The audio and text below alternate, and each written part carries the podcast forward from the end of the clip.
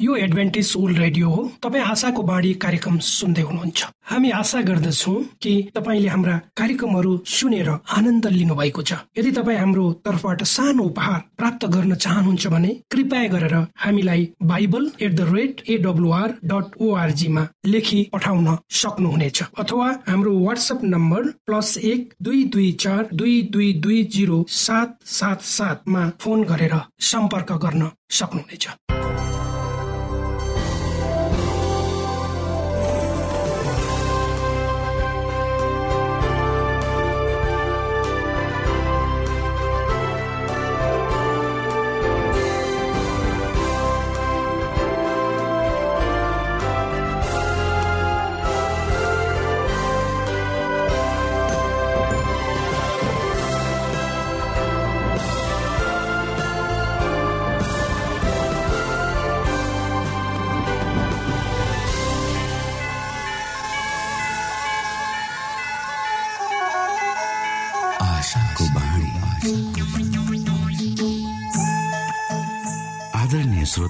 नमस्कार। यो समय तपाईँ एडभेन्टिस्ट ओल्ड रेडियोको प्रस्तुति भोइस अफ होप आशाको बाणी कार्यक्रम सुन्दै हुनुहुन्छ। कार्यक्रम प्रस्तुता म रवि यो समय तपाईँको साथमा छु।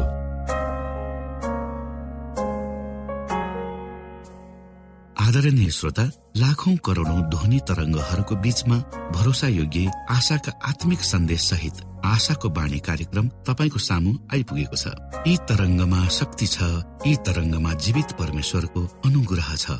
यो कार्यक्रमलाई सुन्न रोज्नुहुने समस्त श्रोता वर्गमा हामी आभार व्यक्त गर्दछौ। आजको कार्यक्रमबाट यहाँले प्रशस्त आशिष पाउन सक्नु भएको होस्। यही शुभेच्छा व्यक्त गर्दै सधैँ हामी हाम्रो मूल विषयतिर जानु अगाडि सुनौ यो मधुर क्रिस्टीय भजन। स्वर्गमा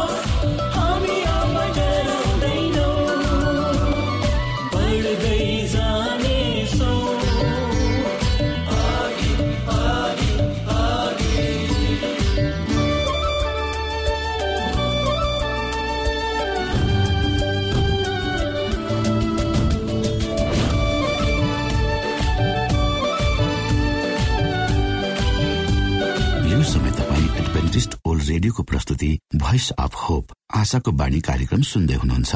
श्रोता मित्र यो समय हामी पास्टर उमेश पोखरेलबाट आजको बाइबल सन्देश सुन्नेछौ। श्रोत साथी न्यानो अभिवादन साथमा तपाईँको आफ्नै आफन्त पास्टर उमेश पोखरेल परमेश्वरको वचन लिएर यो रेडियो कार्यक्रम मार्फत तपाईँहरूको बीचमा पुनः उपस्थित भएको छु। श्रोता आउनुहोस् तपाईँ हामी केही समय परमेश्वरसँग बिताउ। आजको प्रस्तुतिलाई पस्कनुभन्दा पहिले आउनुहोस् हामी परमेश्वरमा अगुवाईको लागि बिन्ती राख्नेछौँ। जीवी जिउँदो महान दयालु परमेश्वर प्रभु हामी धन्यवादी छौँ। यो जीवन र यो जीवनमा दिनुभएका प्रशस्त आशिषहरूको लागि। प्रभु यो रेडियो कार्यक्रमलाई म तपाईँको हातमा राख्दछु। यसलाई तपाईँको राज्य र महिमाको प्रचारको खातिर प्रयोग गर्नुहोस् धेरै मानिसहरू जो अन्धकारमा हुनुहुन्छ उहाँहरूलाई तपाईँको ज्योति देखाउनुहोस् र धेरै मानिसहरूले तपाईँको राज्यमा प्रवेश गर्ने मौका पाउ सबै बिन्ती प्रभु यीशुको नाम। आमेन। श्रोत साथी परमेश्वरको कृपा प्राप्त गर्ने शर्तहरू साधारण निष्पक्ष र विवेकशील छ। हामीले पापदेखि क्षमा प्राप्त गर्नको निम्ति कुनै पीडाजनक काम गर्नु पर्दैन। केवल हामीले स्वर्गमा रहनुहुने परमेश्वरमा आफ्नो आत्मालाई सुम्पिनुका निम्ति वा हाम्रो पाप प्रायश्चित गर्नको निम्ति हामीले लामो थकानयुक्त तीर्थयात्राहरूमा जानु वा कष्टप्रद तपस्याहरू गर्नु पनि आवश्यक पर्दैन। तर जसले आफ्ना पापहरू स्वीकार गर्दछ र तिनलाई त्याग्छ त्यसले कृपा पाउँछ भनेर भनिएको छ।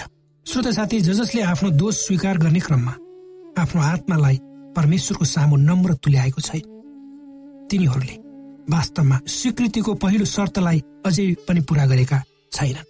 यदि हामीले त्यस पश्चातापको बारेमा महसुस गरेका छैन। र आत्माको नम्रता र चूर्णताका साथ आफ्ना दुष्टताहरूलाई घृणा गर्दै पाप स्वीकार गरेका छैनौँ भने हामीले कदापि पनि पाप क्षमाको खोजी गरेका छैनौँ। र यदि हामीले कदापि खोजी गरेका छैनौँ भने कहिले पनि परमेश्वरबाट शान्ति प्राप्त गरेका पनि छैनौँ। हृदयलाई सत्य वचनका शर्तहरूसित मन्जुर हुने गरी नम्र तुल्याउन राजी नभएकै कारण हामीले अतीतका पापहरूबाट क्षमा प्राप्त गर्न सक्दैनौँ। यस विषयमा स्पष्ट निर्देशन दिएको छ। सार्वजनिक वा व्यक्तिगत तवरले गरिएका पाप स्वीकारलाई हृदयदेखि महसुस गरिएको हुनुपर्छ। यो काम पापी व्यक्तिबाट जिद्दीका साथ मागिरहनुहुन्न र यसलाई हलुका तवरले हामीले लिनु पनि हुँदैन। पाप स्वीकार भनेको भित्री आत्माको प्रस्फुटन हो। यसले असीमित करुणामय परमेश्वरसम्मको मार्गमा हामीलाई डोर्याउँछ भजन सङ्ग्रहका लेखकले भन्छन् चूर्ण हृदय भएकाहरू सबैका नजिक परमप्रभु हुनुहुन्छ र निराश भएकाहरूलाई उहाँले बचाउनुहुन्छ। श्रोत साथी जब पापले हाम्रो नैतिक अनुभूतिलाई अचेत तुलाइदिन्छ तब गलत कार्यमा संलग्न व्यक्तिले आफ्नो चरित्रको त्रुटिहरूका बारेमा बुझ्न सक्दैन। न त आफूले गरेका दुष्टताको भयानक रूपको बारेमा चाल पाउन नै सक्दछ। उसले स्वयं आफूलाई पवित्र आत्माको दोष सिद्ध शक्तिको बसमा नपुर्याएसम्म ऊ आफ्नो पापको आंशिक अन्धकारमै रहिरहन्छ। उसले गरेका पश्चातापहरू साँचो तथा गम्भीर हुँदैन। आफ्नो पापप्रति जनाउने हरेक स्वीकृतिप्रति आफ्नो सिलसिलाको बाहना स्वरूप उसले एक क्षमा याचना थप्ने गर्दछ। र यो घोषणा गर्दछ कि यदि कुनै यस्ता निश्चित परिस्थितिहरू उत्पन्न नभएका भए ऊ ती कार्यहरूमा संलग्न हुने थिएन। जसको निम्ति ऊ दोषी ठहराइएको छ। श्रोता साथी हामीले परमेश्वरका आज्ञाहरू उल्लङ्घन गरेकोले हाम्रो निम्ति उहाँले दुःख कष्ट भोग्नु पर्यो। हाम्रो दुराचारहरूले गर्दा उहाँ पेलाइमा पर्नु हामीलाई शान्ति ल्याउन उहाँले सारा शास्ति भोग्नु भयो र उहाँको घाउले गर्दा हामी निको भयौँ र हाम्रो सट्टामा आफू बलि भएर यसुले हामीलाई मुक्ति दिनुभयो। सैतानले ल्याएको भ्रम वा परमेश्वरबाट टाढा राख्ने लालसामा मानिस फसेको थियो र जुन कुरा परमेश्वरले नगर्नु भन्नुभएको थियो त्यही उसले गरेको थियो। तर त्यति नै खेर क्रिस्ट परमेश्वरका पुत्र मरेका र जीवितहरूका बीचमा खडा हुनुभयो। उहाँले भन्नुभयो उनीहरूले पाउने सजाय म माथि परुन्। मानिसको स्थानमा म खडा हुन्छु। उसले अर्को अवसर पाउनेछ। श्रोता साथी परमेश्वरको वचनमा उल्लेखित साँचो पश्चाताप र नम्रताका उदाहरणहरूले एक यस्तो पाप स्वीकारको भावना प्रकट गर्दछ जसमा पापको निम्ति कुनै बाहना र आत्मा सफाईको निम्ति कुनै प्रयास हुँदैन। पावलले स्वयं आफैलाई ढाकछोप गर्ने प्रयत्न गरेनन्। त्यसको सट्टा आफ्नो दोषलाई घटाउने प्रयत्न पनि उनले गरेनन्। आफ्नो पापलाई त्यसको सबैभन्दा कालो रङद्वारा उनले पोते र उनी भन्छन् र मुख्य पुजारीहरूबाट अख्तियार पाएर धेरै सन्तहरूलाई मैले जालखानामा हालेको मात्र होइन तर तिनीहरूलाई मार्दा तिनीहरूकै विरुद्धमा मैले मेरो मत पनि दिए। अनि सबै सभाघरहरूमा तिनीहरूलाई बारम्बार सजाय दिइकन तिनीहरूलाई विश्वास त्याग गराउने चेष्टा गर्थे। तिनीहरूका विरुद्धमा क्रोधले उन्मत्त भइकन बाहिरका सहरहरूमा पनि मैले तिनीहरूलाई सताएँ। पापीहरूलाई उद्धार गर्न यसो क्रिस संसारमा आउनुभयो। पापीहरूमा म सबैभन्दा मुख्य हुँ भनी घोषणा गर्न उनी हिचकिचाउँदैनन् श्रोता साथी यदि तपाईँ हामी परमेश्वरमा आउन चाहन्छौँ हामीले बाहिरी रूपमा होइन भित्री रूपमा पनि आफ्ना सबै पापहरू स्वीकार गर्नुपर्छ जसरी पावल प्रेरितले हामी गरेको पाउँछौँ। अन्त्यमा साँचो पश्चातापद्वारा बसमा पारिएको नम्र र चुण हृदयले परमेश्वरको प्रेम तथा कलबरीको मृत्युको बारेमा केही बुझ्न सक्नेछ। र जसरी एक पुत्रले आफ्नो प्रेमिलो पिताको सामु पाप स्वीकार गर्दछ त्यसरी नै एक साँचो पश्चातापी व्यक्तिले आफ्ना सबै पापहरू परमेश्वरकामा ल्याउँछ वा ल्याउनु पर्छ पवित्र शास्त्रमा यसरी लेखिएको छ यदि हामीले आफ्ना पापहरू स्वीकार गर्यौँ भने उहाँले हाम्रा पाप क्षमा गर्नुहुन्छ र सबै अधर्मबाट हामीलाई शुद्ध पार्नुहुन्छ किनकि उहाँ विश्वासयोग्य र धर्मी हुनुहुन्छ। श्रोत साथी हामीले हाम्रो जीवनमा जानेर वा नजानेर पाप गरेका छौँ। सबैले पाप गरेका छौँ। र ती पापहरू दृश्य वा अदृश्य पापहरू पनि हुन सक्छन्। यदि तपाईँ र म परमेश्वर कहाँ आउन चाहन्छु भने हामीले हाम्रा जीवनमा भएका सबै किसिमका पापहरू गुप्त पाप र सबैले देखिने गरेका पापहरूलाई परमेश्वरकामा ल्याउनु पर्छ। किन परमेश्वरको अगाडि हामीले गरेका कुनै पनि कुराहरू लुकेका छैनन्। जब हामी कुनै घुम्टो नओडिकन परमेश्वरमा आउँछौँ हामी जस्तो छौँ त्यस्तै रूपमा आउँछौँ। सबै कुराहरू परमेश्वरको अगाडि खोल्छौँ तब परमेश्वरले तपाईँ र मलाई ग्रहण गर्नुहुन्छ। किनकि परमेश्वरले तपाईँ र मेरो हृदय बुझ्नुहुन्छ। यी वचनहरूले तपाईँलाई आशिष दिनुहोस्।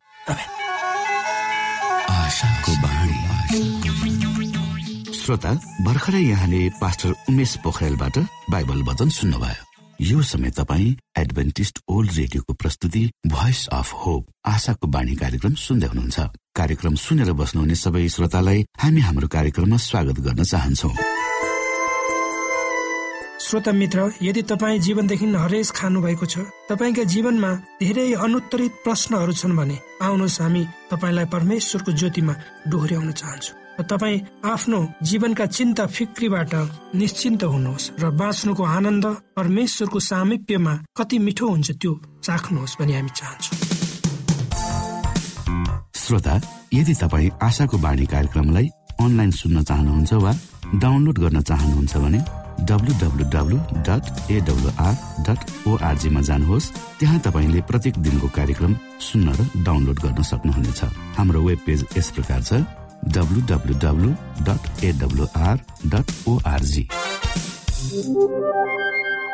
श्रोता यदि तपाईँ हामीसित सिधै फोनमा सम्पर्क गर्न चाहनुहुन्छ भने हाम्रा नम्बरहरू यस प्रकार छन्। अन्ठानब्बे एकसाठी पचपन्न शून्य एक सय बिस। अन्ठानब्बे एकसाठी पचपन्न शून्य एक सय बिस। र अर्को अन्ठानब्बे अठार त्रिपन्न पन्चानब्बे पचपन्न। अन्ठानब्बे अठार त्रिपन्न पन्चानब्बे पचपन्न। यो आशाको बाणी रेडियो कार्यक्रम हो। म धनलाल राई यहाँहरूलाई यस कार्यक्रममा न्यानो स्वागत गर्दछु। आजको समसामयिक विषयको प्रस्तुतिका साथ मिना राई। श्रोत साथी उद्देश्य प्रेरितका आत्मा परिवर्तित कथाहरूमा आजको कथा मेबिस बरेल स्पेन्सर यसुको लागि सिउनु जमैका करेबियन समुद्र।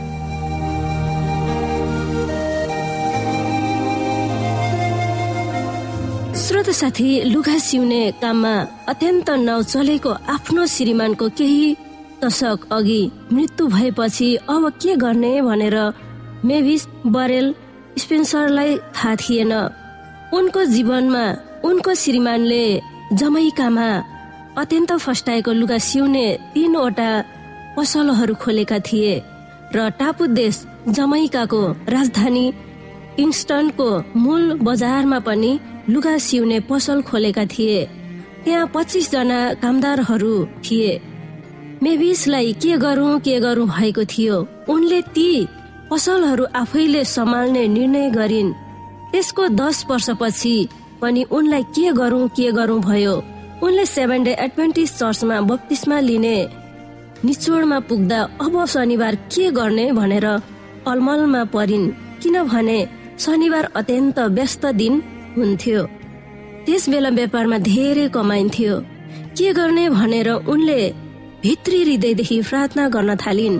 एभिज आइतबार चर्च जान्थिन् तर एक दिन उनले एडभेन्टिस साथीबाट सातौं दिनमा मनाउनु पर्ने साबतको बारेमा सुनिन्। चौथो आज्ञामा लेखिएको साबतलाई सम्झाउनु पर्छ भनेर लेखिएको छ। आज्ञा सबै इसाईहरूलाई हो। भनेर उनलाई थाहा थिएन। जब एडभेन्टिस पारिवारिक साथीहरूले उनलाई हप्ता हप्ता हुने बाइबल अध्ययनको निम्ति निम्त्याए तब उनको जीवनमा परिवर्तन हुन थाल्यो। एकजना एडभेन्टिस व्यापारी साथीले मेभिजको घरमा आएर उनको श्रीमानको मृत्यु हुनुभन्दा अघि नियमित रूपमा प्रार्थना गर्न आउँथे र मेभिजलाई बाइबल अध्ययन गर्न आउन अनुरोध गर्थे। तर आफू व्यस्त भएको भनेर बाइबल अध्ययनमा जान अस्वीकार गर्दथे।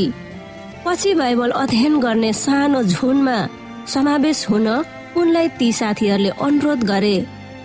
आफूलाई बाइबलको बारेमा ज्ञान कतिको कमी रहेछ भनेर उनले पत्ता लगाइन्। बाइबलमा भएका कति कुराहरू मेरो अगाडि खोलियो। ती सबै कुराहरू बाइबलमा छ भनेर मलाई थाहा थिएन। मेभिजले बाइबल अध्ययन गर्ने एउटा समयमा भनिन् साबतको बारेमा उनलाई नयाँ ज्ञान भएको साथै यसो छिट्टै आउनुहुन्छ र धर्मी स्वर्गको घरमा लगिनेछ भन्ने कुरा पनि उनलाई थाहा थिएन। बाइबलमा वर्णन गरिएको नयाँ पृथ्वीको बारेमा उनले सुन्दा उनलाई अचम्म लागेको थियो। जति कुरा मलाई सुनायो झन मलाई सुन्न मन लागेको थियो। मेभिजले भनिन् तर शनिबार उनले लुगा सिउने काम बन्द गरिनन्। तर एक दिन जब उनी बाइबल अध्ययन पछि आफ्नो घरमा फर्किँदै थिइन् तब एउटा आवाजले उनलाई घचघच्याएको महसुस गरिन्। तिमी दगुर्न सक्छौ तर लुक्न सक्दैनौ अनि साबतको बारेमा के गर्ने भनेर उनले मनैदेखि प्रार्थना गर्न थालिन्। मैले के सिकिरहेको थिएँ सो मैले पुरै ग्रहण गरिरहेको थिइन। परमेश्वरबाट म भागिरहेको तर उहाँको सामु जे भए पनि म लुक्न सक्दिन भनेर प्रभुले भनिरहनु भएको मैले विश्वास गरे। मेभिजले नलुकाइकन आफ्नो कुरा भनिन्। डिसेम्बर दुई हजार सोह्रमा उनले निर्णय गरिन्। त्यस बेला उनले तिनैवटा पसलको ढोकामा यो सूचना टाँसिदिन्। जनवरी सात तारिकदेखि स्पेसर कपडा सिउने पसल शनिबारको दिन बन्द गरिनेछ तर त्यसको सट्टामा आइतबार खोलिनेछ। जनवरी सातमा उनले बत्तिसमा लिइन्। उनका धेरै ग्राहकहरू उनीदेखि रिसाइन्। एकजनाले त उनीसँग पट्किएर भने किन यस्तो गरेको? अर्कोले भन्यो शनिबार झन् धेरै व्यापार हुन्छ। त्यसकारण किन त्यो दिन पसल बन्द गरेको? मेभिजले नम्र भएर जवाफ दिइन् स्वर्गमा हुने मेरो पिताले पहाडहरूमा भएको हजार वस्तुहरूलाई उहाँको हो भनेर उहाँले भन्नुहुन्छ र तिनीहरूका दस मात्र मलाई दिनु। उहाँको निम्ति केही पनि होइन। शनिबार उनको पसल बन्द भए पनि उनको पसल झन राम्रोसँग चल्न थाल्यो। आइतबार पसल खोलेकोमा कतिपय ग्राहकहरूले उनलाई सराहना गरे। मूल बजारमा रहेको उनको पसल शनिबारमा मोटर पार गर्ने ठाउँका लागि सजिलो भएको थियो। आइतबार चाहिँ सुनसान हुन्थ्यो। मेरो बिक्री झन बढ्यो। धेरै मानिसहरू जो शनिबार आउँथे तिनीहरूलाई आइतबार आउन सजिलो भएको भेट्टाए। मोटर पार गर्न तछाड मछाड नभएको तिनीहरूले मन पराए। खुसी व्यक्त गर्दै मेभिजले भनिन् पैसा भन्दा बेसी त चर्चमा नयाँ परिवार भेटाएकोमा उनी खुसी भएकी थिइन्। जब चर्चमा प्रथम पल्ट जाँदा एक परिवारले उनलाई न्यानो सत्कार गरेको उनले कहिले पनि बिर्सेको छैनन्। मेरो लागि ढोका खोलिएको जस्तो लाग्यो। मानिसहरू त्यस्तो दयालु र मिलनसार थिए भनेर मलाई थाहा थिएन। मेरो जीवनमा त्यो भन्दा आनन्दको कुरो केही छैन उनले भनिन्।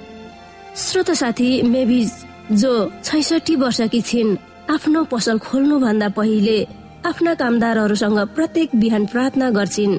कामदारहरूको बीचमा प्रेम सद्भाव होस्।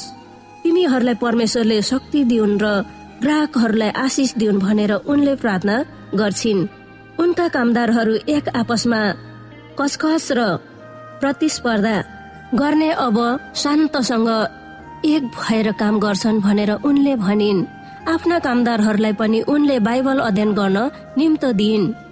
तिनीहरूमा एकजना बत्तिसमाको निम्ति तयार भएको छ। शनिबार काम गर्ने र व्यापार गर्नेहरूलाई उनले के सल्लाह दिनुहुन्छ भनेर उनीसँग सोद्धा उनले यो जवाब दिइन्। तपाईँले केही पनि गुमाउनु हुने छैन तर परमेश्वरलाई तपाईँले समर्पण गर्नुभयो भने बरु तपाईँलाई फाइदा नै हुन्छ। उनको मनदेखि पद फिलिपी चारको तेह्र हो जसमा लेखिएको छ मलाई बल दिनुहुने। ख्रिसद्वारा म सबै थोक गर्न सक्छु। तपाईँको आँखा यसुतिर लगाइराख्नुहोस् किनभने उहाँ जीवनको स्रोत हुनुहुन्छ। उहाँ बिना तपाईँले केही पनि गर्न सक्नुहुन्न। उहाँसँग तपाईँले जे पनि गर्न सक्नुहुन्छ। निर्धक्क भएर उनले भनिन्।